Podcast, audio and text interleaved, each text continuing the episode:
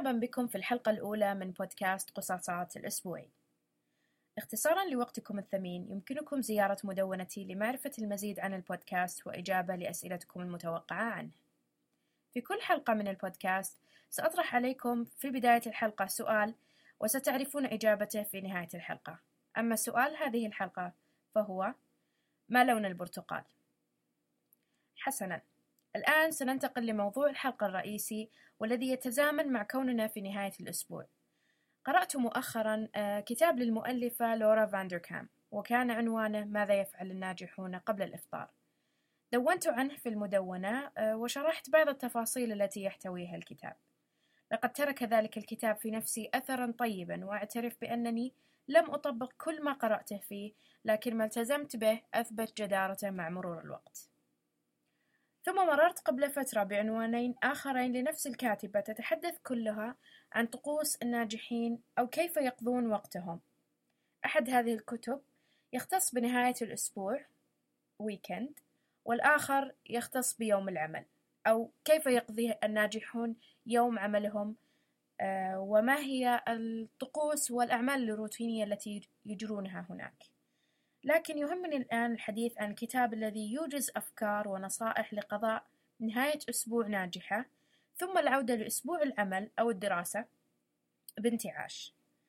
الكتاب الإلكتروني هو كتاب لورا فاندركام آه، نسخة إلكترونية لم يطبع يمكنكم الحصول عليه آه، من خلال الرابط الذي سأدرجه في تعليقات الحلقة يقع الكتاب في حوالي 35 صفحة مكتوب بلغة سلسة وواضحة مليء بالأمثلة الجيدة من تجارب لأشخاص حقيقيين وأفكار قابلة للتطبيق في حياتكم اليومية. أعتقد أن فكرة وضع هذا الكتاب جاء من الشكوى المتكررة من سوء استغلال نهاية الأسبوع. الكثير يشكو من أن نهاية الأسبوع تأتي وتمر بدون أي فائدة أو بدون أن يستغلونها في كل الأمور العالقة التي يرغبون بإنجازها. حتى عندما نكون واعين وملتزمين بالاستغلال الأمثل للوقت الذهبي الأسبوعي نفشل في ذلك للأسف. ثم نجد الأيام تنزلق من بين أصابعنا وتختفي في المهام الروتينية والوقت المهدور بين الإنترنت والمشاهدة الماراثونية للمسلسلات والأفلام أو المناسبات الاجتماعية العشوائية والتي للأسف لا نملك أن نهرب منها أو نجد عذرا للتنصل من أن نعلق بداخلها. في كل نهاية أسبوع لدينا حوالي ستين ساعة من نهاية دوام الخميس. آه، وهذه الستين ساعة تقريبية بحسب نهاية آه، دوام العمل أو الدراسة. وحتى رنين منبه السادسة صباحا يوم الأحد. حتى لو قضينا 24 ساعة من هذه الستين ساعة خلال آه، النوم أو الراحة سيتبقى لدينا 36 ساعة للتمتع بما تبقى لنا في العطلة. اللي هي عطلة نهاية الأسبوع. الفكرة المهمة هنا كيف نستفيد من هذه الستة وثلاثون ساعة المتبقية لدينا؟ لورا تطرح فكرة التخطيط الجيد وتقترح وضع قائمة من مئة حلم. 100 dreams كما تذكر في الكتاب ترغبون بتحقيقها أو أشياء أو أهداف فكروا في أشياء أردتم القيام بها لوقت طويل ولم تجدوا الوقت أو آه، القدرة أو الإمكانيات للقيام بها. أشياء قابلة للتحقيق طبعا ويمكن إنجازها خلال عطلة نهاية الأسبوع. لورا هنا لا تتحدث عن السفر لقارة بعيدة أو تعلم لغة جديدة في ظرف عدة أسابيع. هي تتحدث عن مشاريع تحتاج لعدة دقائق لإنجازها أو ساعات. إن أفضل طريقة لكتابة هذه القائمة برأي لورا هو طرح السؤال التالي على أنفسكم ما الذي أريد فعله بشكل أكبر في الوقت المتاح لي؟ على سبيل المثال يمكنكم زيارة أماكن جديدة في مدينتكم أو تغيير طبيعة وجباتكم الغذائية الكثير من العاملين خلال الأسبوع والطلبة يعيشون على وجبات سريعة أو أطعمة من المطاعم أو خيارات غير صحية بالنسبة لهم. وعندما تأتي عطلة نهاية الأسبوع يكون ذلك هو الوقت المناسب للتحكم في آه، خيارات صحية وبشكل آه، جيد بالنسبة لهم. أيضا يمكنكم تنظيم حفلة عائلية ممتعة أو لقاء بصديق قديم خارج المدينة أو دعوته للحضور مناسبة في مدينتكم. يلي وضع هذه القائمة وتحديد مئة شيء تريدون القيام به وهذا أحيانا قد يكون صعب عليكم لأنكم لن تجدوا آه، أكثر من عشرة وهذه من تجربتي الشخصية. حاولت البحث عن المزيد وكانت نصيحة لورا في هذه الحالة هو التفكير بأنشطة كنتم تحبون القيام بها في طفولتكم مثلا. كيف كان آه، عطلة نهاية الأسبوع في طفولتكم؟ كيف كانت طويلة ومفيدة ومليئة بالأنشطة التي تحبونها أنتم وليس الأنشطة التي يفرضها عليكم نمط حياتكم أو الناس من حولكم. يلي وضع هذه القائمة؟ وضع المرساة، والمقصود بذلك تحديد أوقات رئيسية خلال آه، عطلة نهاية الأسبوع وربطها بالأمور التي ترغبون القيام بها مسبقا أي القائمة التي وضعتوها بمئة حلم أو مئة شيء تريدون القيام به. هذا الوقت الآن لكم أنتم.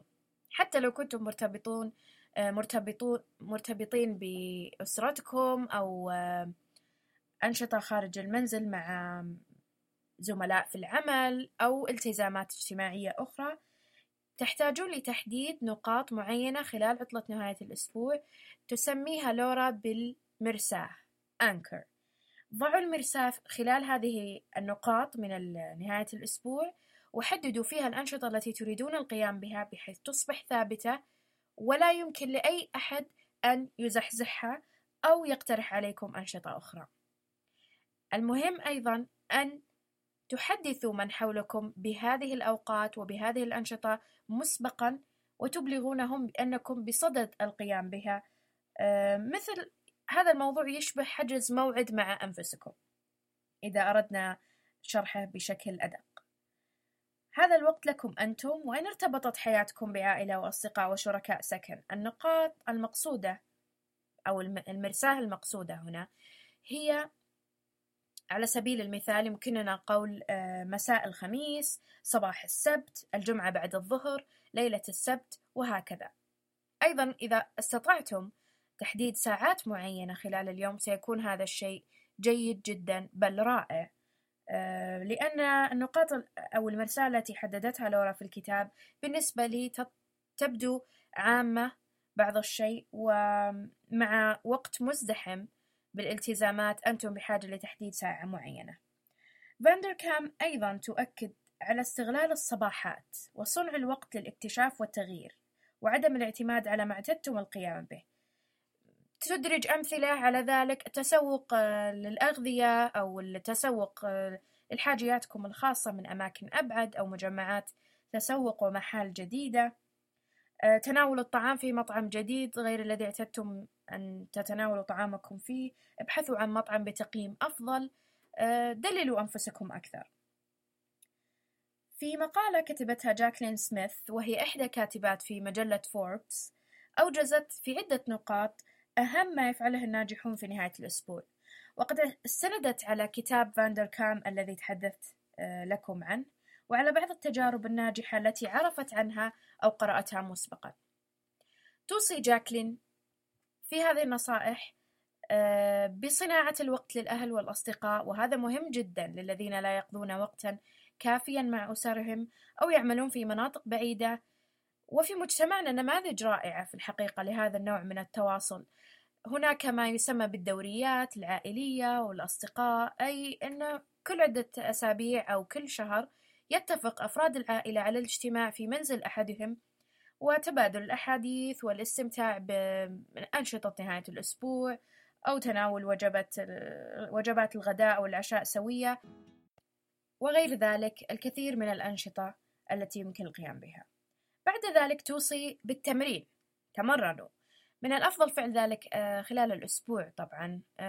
الكثير من الأشخاص يقومون بممارسة الرياضة خمسة أيام في الأسبوع ويجعلون نهاية الأسبوع هي فترة راحتهم. البعض لا يقوم بذلك آه، لفترات طويلة. فهي تقترح إذا القيام بهذه التمارين أو الأنشطة الرياضية خلال نهاية الأسبوع. توصي بالاستفادة من هذا الوقت للتمرن وتصفية الذهن واستعادة الطاقة. أيضا تقترح جاكلين اتباع شغفكم فهي تجد أن الناجحين يخصصون الوقت في نهاية الأسبوع لمتابعة هواياتهم أو تعلم شيء يحبونه وذلك للتخفيف من ضغوط الحياة والعمل. فهم يصنعون مساحة للاستراحة تشبه وجود حديقة وسط مجموعة من المباني الإسمنتية. أعيدوا شحن بطاريتكم. والمقصود بذلك الحصول على قسط كافي من النوم والتخفف من التعرض للإضاءة الشديدة وشاشات الأجهزة والضوضاء وكل عناصر التي تسبب لكم التعب خلال أسبوع العمل أو الدراسة. تقترح أيضا التفكر والتأمل خلال الأسبوع ورؤية جميع أحداث الأسبوع الماضي بصورة أفضل وأكثر وضوحًا حيث أنكم الآن خارج هذه الأحداث ويمكن التعامل معها بموضوعية. تنصح بالتفكير بالنجاحات الصغيرة والكبيرة والإخفاقات كذلك. أين فشلتم في هذه النقطة؟ ماذا حدث في هذا اليوم؟ لماذا لم تنجحوا في إكمال مهمة داخل العمل أو داخل المدرسة أو الجامعة؟ الآن يمكنكم رؤية كل ذلك ومعالجته والاستعداد للأسبوع المقبل أيضا بالتخطيط ومحاولة تفادي المشكلات والأخطاء. تعرفوا على أشخاص جدد وابنوا شبكة معارف جديدة ووسعوا حياتكم. في كل أسبوع يمر أنتم قادرون على التعرف على أشخاص جدد. آه، إنما يحدد ذلك ما هي المواضيع التي ستتحدثون فيها ما هي الاهتمامات المشتركة بينكم وهذا لا يعني أيضا الاكتفاء بزمالة العمل أو الأصدقاء المقربين أو الأهل. هناك فرصة للتعرف على أشخاص جدد وذلك للاستفادة من عطلات نهاية الأسبوع واللقاء بهم آه، وتغيير الأجواء بشكل عام. جربوا أشياء جديدة عليكم مثل الزراعة والعناية بالحدائق أو احتراف الأشغال اليدوية والألعاب أو الطبخ إن لزم الأمر. شعور الإنجاز في هذه الأعمال رائع ويمكن رؤيته خلال وقت قصير ونتائج مبهجة، بالإضافة إلى أن الانشغال في هذه الأنشطة يتطلب منكم الصبر والتركيز والالتزام، وهي فضائل ستستفيدون منها خلال أسبوع عملكم أو دراستكم. شيء آخر تقترحه جاكلين التطوع. ابحثوا عن مراكز تطوع أو مشاريع محلية قريبة منكم. ساعدوا أفراد أسرتكم الممتدة في إنجاز المهام أو التدريس والعناية بالأطفال مثلا. الأمر الأخير اقطعوا الاتصال. حاولوا قدر الإمكان التوقف عن التواصل مع مكان العمل أو الدراسة بعد انتهاء يوم العمل الأخير في الأسبوع. افصلوا ما بين بريدكم الإلكتروني الخاص بالعمل والدراسة وبريدكم الشخصي. حتى وسائل التواصل الاجتماعي الخاصة بكم أبعدوها عن عملكم الرسمي وحياتكم الأكاديمية. لأنكم ببساطة تبحثون عن فسحة بعيدا عن كل هذه الضغوط. من أفضل الأشياء التي جربتها خلال تجارب عملي المختلفة هو الاحتفاظ بمساحة خصوصية مع زميلات العمل.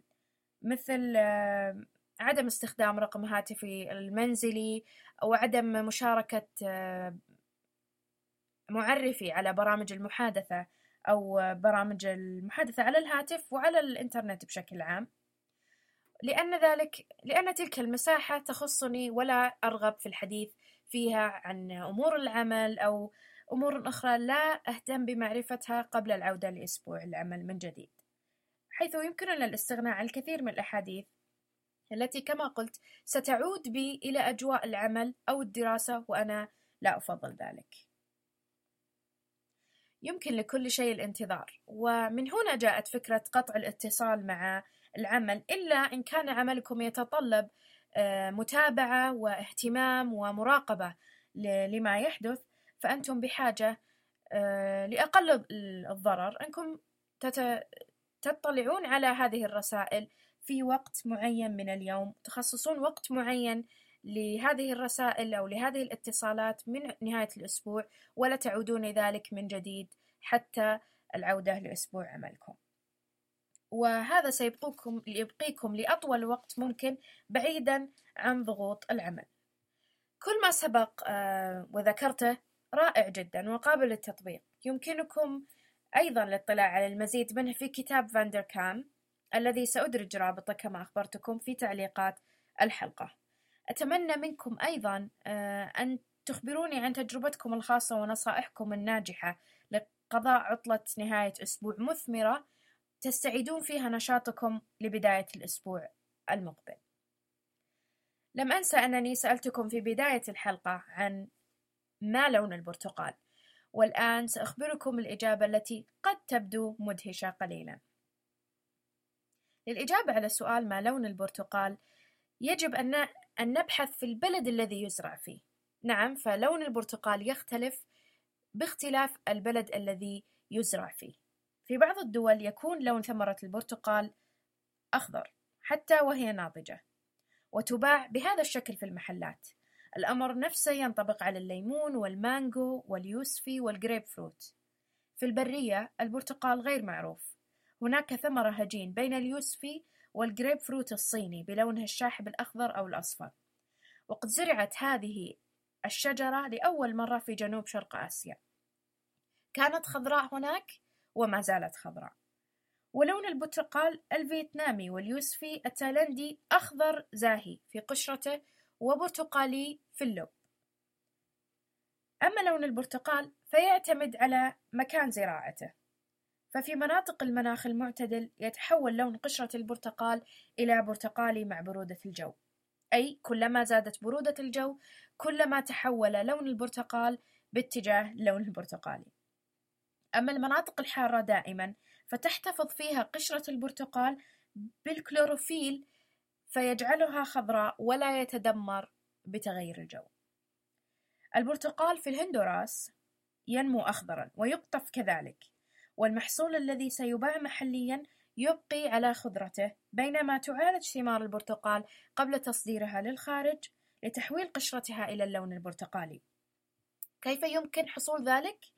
عن طريق تعريض ثمار البرتقال لغاز الإيثيلين وهو مركب هيدروكربوني تنتجه صناعة البتروكيماويات وأيضا هو أشهر مركب عضوي في العالم من حيث الإنتاج وما دمنا في سيرة البرتقال وأمريكا الجنوبية تشير الإحصاءات إلى أن البرازيل هي أكبر منتج للبرتقال في العالم يبلغ إنتاجها حوالي 18 مليون طنا يأتي بعدها الولايات المتحدة الأمريكية التي تنتج أقل من نصف إنتاج البرازيل. يأتي برتقال أمريكا من تكساس وكاليفورنيا وفلوريدا، وكانوا يلونونها بطريقة صناعية حتى أوقفت إدارة الغذاء والدواء الأمريكية هذا الإجراء في عام 1955. لا يمكنكم أيضا تحديد مدى نضج البرتقالة من لونها، ففي أي مكان يزرع البرتقال يمكن أن يبقى لوقت طويل على الشجرة إذا لم يقطف، سيبقى البرتقال على الشجرة لموسم كامل وقد يتأثر لونه بتأرجح درجات الحرارة بين الأخضر والبرتقالي دون أن تتأثر جودة مذاقه. بالنسبة لمعلومة تعريض البرتقال لغاز الإيثيلين أتمنى أن لا تفزعكم من شرائه وتناوله لأن الغاز بلا رائحة أو طعم أو لون وهو مركب عضوي تطلقه الكثير من الثمار والنباتات بعد حصدها. ومن بينها على سبيل المثال للحصر التفاح والبطيخ والطماطم والأفوكادو. هذا ليس ضار بالنسبة لنا لكنه قد يؤثر على أنواع أخرى من الفواكه والخضار فينصح بعزلها بعيدا عن بعضها. مثلا الموز والتفاح يجب فصلها والليمون والجزر كذلك. وبالتأكيد البرتقال. إذا أردتم إنضاج ثمرة مانجو بسرعة ضعوها في كيس مع موزة. هذه المعلومات مذهلة بالتأكيد. في الأسبوع القادم سأحدثكم عن معلومة مدهشة جديدة وعن التسوق في السوبر ماركت شكرا لكم لحسن إصغائكم. أتمنى أن تتركوا لي تعليقا عن رأيكم في الحلقة.